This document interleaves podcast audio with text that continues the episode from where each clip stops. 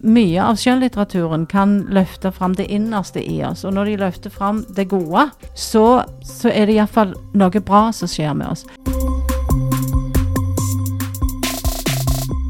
Ja, altså vi eh, sitter her for å snakke om eh, godhet i litteraturen. Eh, det, akkurat det ordet godhet er det ikke så ofte en hører lenger. Hvorfor er det sånn, Audioren, nå? Um, ja, det er et godt spørsmål. Det, dukte rett og slett opp fordi jeg ble utfordra av, eh, av uh, kirken og kulturen til å skrive noe som hadde med snillhet eller godhet og, og ja, sånn varme og fine ting i litteraturen. Og så valgte jeg selv å kalle det for godhet, for godhet og snillhet er jo absolutt ikke det samme. Snillhet kan jo være kjedelig, og godhet er aldri kjedelig. Og så har jeg lest utrolig mye norske romaner eh, de siste årene. Ikke så mye i fjor, i 2017, men i fem, seks, sju år før det så har jeg lest utrolig mye. Og det er på en måte ikke fullt av godhet. Det er utrolig mye traumer, og det er enormt mange overgrep. Og det er så mye sorg og død. Jeg pleier å si det at det er veldig mye sorg i det norske folk. Det er mange som dør, og det er mange som er utsatt for omsorgssvikt. Og det er jo sånn i livene våre at når vi opplever noe sterkt og dramatisk og vondt, så endrer det oss på godt og vondt. Så det skjønner jeg veldig godt. Men så ble jeg litt opptatt av det. At jeg hadde lyst til å finne bøker som òg gir en følelse Altså ikke at vi skal føle oss gode, men, men det er jo òg noe dramatisk i gode opplevelser. Og godhet og gode gjerninger. For godhet, det, med Det må være noen på andre sida som tar imot en godhet. Ja. ja, faktisk så må det vel det. Det, det er vanskelig å være god i, bare for sin egen del. Det blir ofte litt kjedelig. Eh, godhet er veldig ofte, som du sier, eh, mot andre, for andre. Og for å være god, så må du ha en raushet i deg, og du må ha empati. Sant? Det å se andre. Og du må ha Jeg pleier ikke egentlig sitere filosofer, men det er altså en tysk filosof som heter Habermas, som sier at et godt og varmt samfunn er det som tar hensyn til minoritetene. Og det er jo et litt større bilde av godheten. At hvordan er vårt samfunn blitt i våre dager? Når vi er så individualistiske, og når det alltid er min rett og min ytringsfrihet og mitt krav og mine lengsler som skal oppfylles. Og dette um, empatiske blikket, eller det, det, kloke blikket som ser videre, det etterspør jeg av og til. Både når det gjelder litteraturen og når det gjelder samfunnssyn. Ja. Um bare for å runde av det du sa i begynnelsen med at det er noe annet enn å være snill. Hva er forskjellen? Ja, godhet kan du jo være uh, eller, eller, å vise godhet kan jo et i hermetegn absolutt ikke snilt menneske gjør. Snillhet er ofte tenker jeg i alle fall, at du gjør det som er forventa av deg. At hvis en ikke har noe annet å si om et menneske, så sier en 'hun er så snill', eller 'han er så snill'. Eh, kanskje. Eh, det er ingenting galt i å være snill, men hvis du viser godhet, så utvider du følelsesregisteret, og så er andres beste det som du setter i fokus. Og det trenger du ikke gjøre selv om du er snill. Hvis du er snill, så kan det være at du går i kirka hver søndag og baker kaker til sånn. Altså, det er helt OK, det. Men det trenger ikke ha noe med godhet å gjøre. OK. Eh, vi må gå over på litt boktips, det er jo derfor du er her. Eh, Hvilke romaner har du funnet fram hvor eh, godhet er, er lett å lese? Jeg har funnet fram Eh, en bønn for Owen Meany av eh, John Irving, som var en av de store, store, store leseropplevelsene for meg personlig, men òg for veldig, veldig mange andre, vet jeg. Og, og hele romanen er jo bygd opp som en Kristushistorie, nesten. Eh, men det vet en jo ikke før på slutten, så jeg kan jo ikke røpe altfor mye her. Men, men eh, Owen Meany, som er bitte, bitte liten, og som absolutt ikke er snill Han dreper jo uforvarende dog, men han dreper mora til bestevenninna ved et baseballkast rett i, i eh, tinningen. Men han og hans lille liv, hans korte liv, både bokstavelig talt og i overført betydning, eh, fører fram til en umåtelig opplevelse av godhet. Der redning og ja, med andre mennesker er, eh, blir det viktigste og blir viktigere enn en sjøl. Eh, og så blir jo julespill aldri det samme igjen etter du har lest eh, en bønn for Owen Meany. Owen Meany er kortvokst, som jeg sier nå. Han er sikkert 1,20 høy eller noe sånt. Og så har han en veldig. Så alt han sier er skrevet med store bokstaver. Så du hører liksom gjennom, gjennom fortellingen, så hører iallfall jeg denne hylende skarpe stemmen hele. Men den har òg en betydning. Alt samler seg i det siste kapittelet. Det er en genial bok. OK. Så har jeg ei um, som har fått en litt ny renessanse. Det er ei bok fra 50-tallet, tror jeg, eller kanskje 60-tallet. Eh, fransk, 'Med livet foran seg' av Ajar. Ajar. Og det er òg eh, en eksplosjon av en kjærlighetshistorie, hvis det går an å bruke et sånt uttrykk, eh, i de usleste liv. Som snakker om dette har absolutt ingenting med snillhet å gjøre, men dette er at kjærligheten og godheten blomstrer hvis han får et bitte lite snev av lys, uansett hvor. Hovedpersonen eh, Milo, tror jeg han heter, han er barn av en prostituert, eh, og madame tar seg av disse barna, av mange prostituerte. Hun har tidligere levd som prostituert, og det er lutfattig og elendig, og de er sett ned på av alle. Men hun elsker disse barna så høyt, og barna elsker henne så tilbake igjen. Så det er en historie om, ja, igjen godheten som blomstrer på tross av alt, og kjærligheten som blomstrer på tross av alt. Eh, og, og en sånn fantastisk fortelling om at det er ikke så farlig hvem det er som elsker deg, bare det er noen. Du trenger ikke mor og far, kanskje til og med, men bare det er noen voksne som ser deg og elsker deg. Så den er Det er nesten så jeg blir rørt bare av å snakke om den. Så er det jo um, denne gamle, gode katolikken, Graham Greene. Han ble gammel òg. Ja, jeg lurer, tror han er død. Ja, men han ble ganske gammel. Han ble ganske gammel, han ble ja. gammel, ja. Ja, 80, 90, ja. Jeg tror aldri han fikk Nobels litteraturpris, eh, og det kunne han veldig godt fått. Men de bøkene som, eh, som eh, jeg syns er full av godhet og nåde og forsoning og tilgivelse og kjærlighet, men godhet henger så Det gode begrepet godhet henger veldig mye sammen med de andre gode eh, ordene, som rommer så mye. Det er makten og æren og den dypeste grunn. Og begge de to handler om en fryktelig forfylla og forsoffen og mislykka på mange måter prest. Katolske prester, som whiskypresten kaller de han for.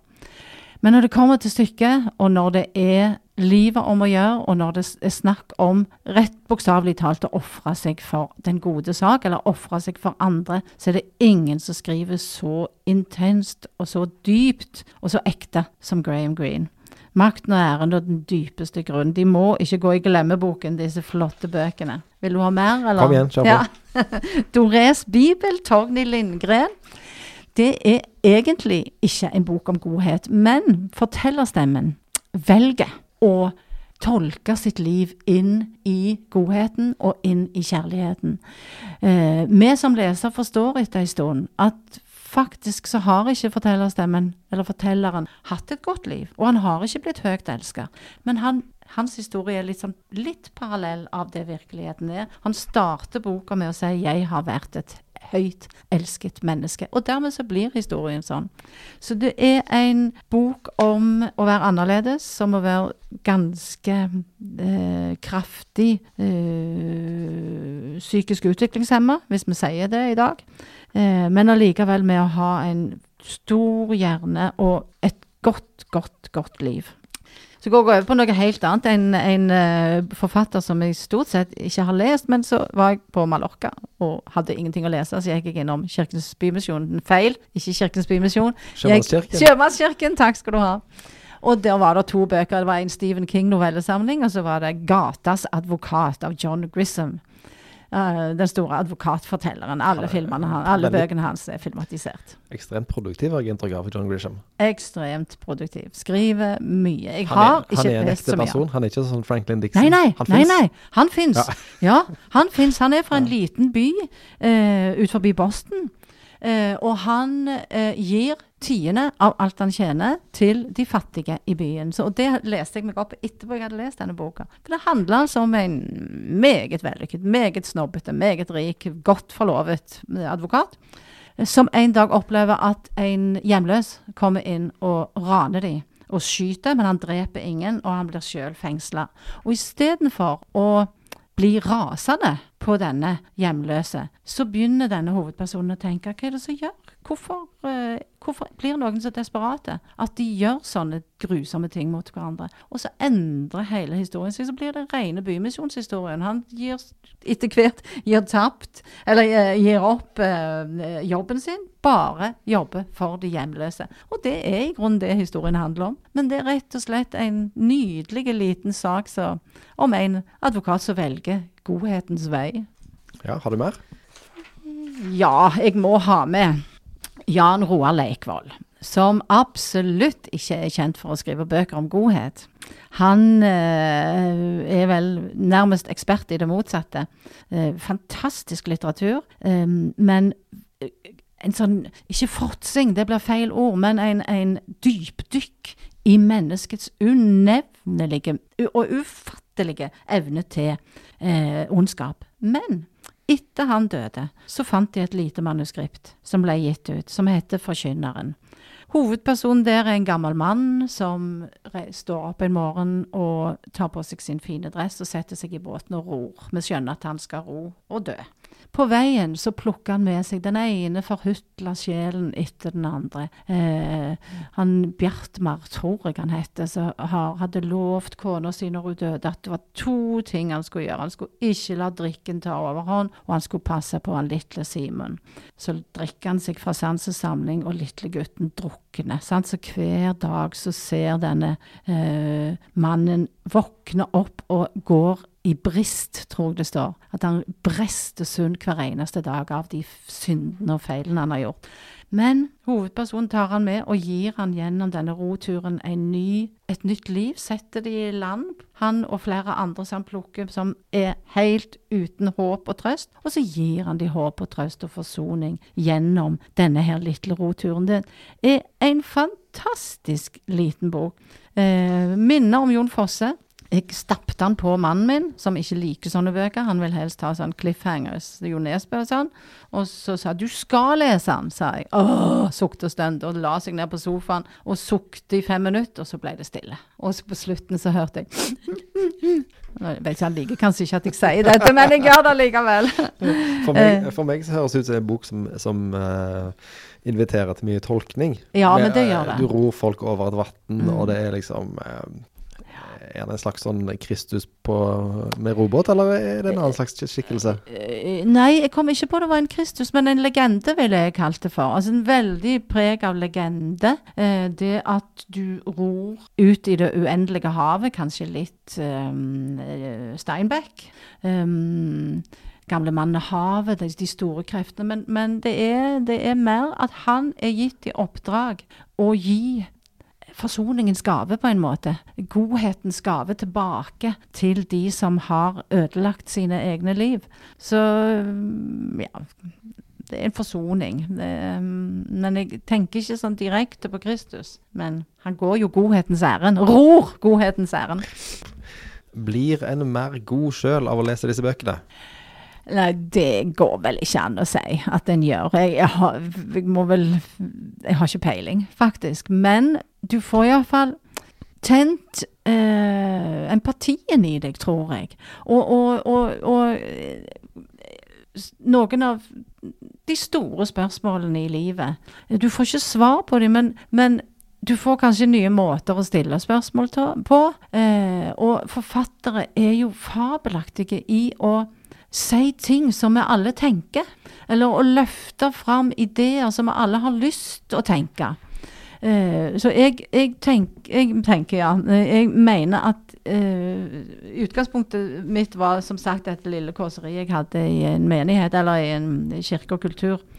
Uh, og jeg tenker at jeg etterspør ikke at prester skal sitere mer dikt på talerstolen, for det blir bare kjedelig.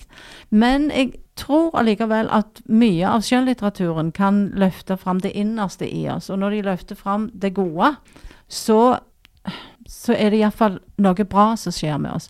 For grunnen til at jeg foreslo dette, for å si det sånn, det var at jeg leste tre bøker en, en periode jeg var sykemeldt, som jeg angrer ennå på at jeg har lest, for de var så grusomme.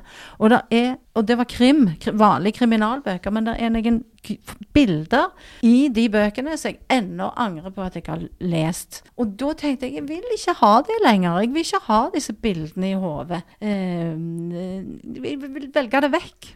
Det kan ha noe med alderen å gjøre òg. Jeg orker jo ikke se grusomme filmer heller lenger. Mm, mm. Men, men det er den der, den der dype godheten som på en måte gjør at, at en er villig til å ofre noe for andre, for å si det. Og det blir òg litt banalt. Eh, og, og, og jeg lurer på om det Kanskje det har noe med oppvekst å gjøre, eller hva som helst. Men jeg har alltid blitt rørt. Det gjør jo de fleste. Men jeg mer enn mange av sånne filmer og bøker som der hovedpersonen ofrer seg til slutt. Clint Eastwood i denne her eh, eh, bilfilmen, vet du. Grand, Grand, uh, nei, Grand Cadillac. Um, Heter han det? Hva Nei, heter han heter ikke Gran, Ikke Gran Turismo? jo, eh, Gran Torino. Gran Torino heter han. OK, ja. Ja. Det er en sur, gammel, gretten mann som la, sånn sakte, men sikkert begynner å bry seg om innvandrerfamiliene som bor ved siden av. Han har, har ikke noe så mye å leve av. Og det er forferdelig. Helt kjensvoll gjeng, bare mye, mye verre. Og så ofrer han da livet sitt for denne gutten som han har blitt glad i til slutt. Og det er jo så du kan grine deg i hjel. Så det er jo et eller annet eh, som appellerer òg til, til følelsene i oss alle, tror jeg. Så godhet er jo òg ofte forbundet med kamp. Det er jo ikke, det er jo det, kanskje det som kommer tilbake til det med snillhet. At snillhet, da er du kanskje litt tilbakelent og ikke bråker så mye. Men godhet kan òg være eh, a handmaid's tale, der Mm. du tar opp kampen, og der du nekter å drepe venninna di. Mm. Selv om det koster deg sjøl livet, kanskje. Veldig bra. Da skal vi lese mer bøker om godhet. Ja.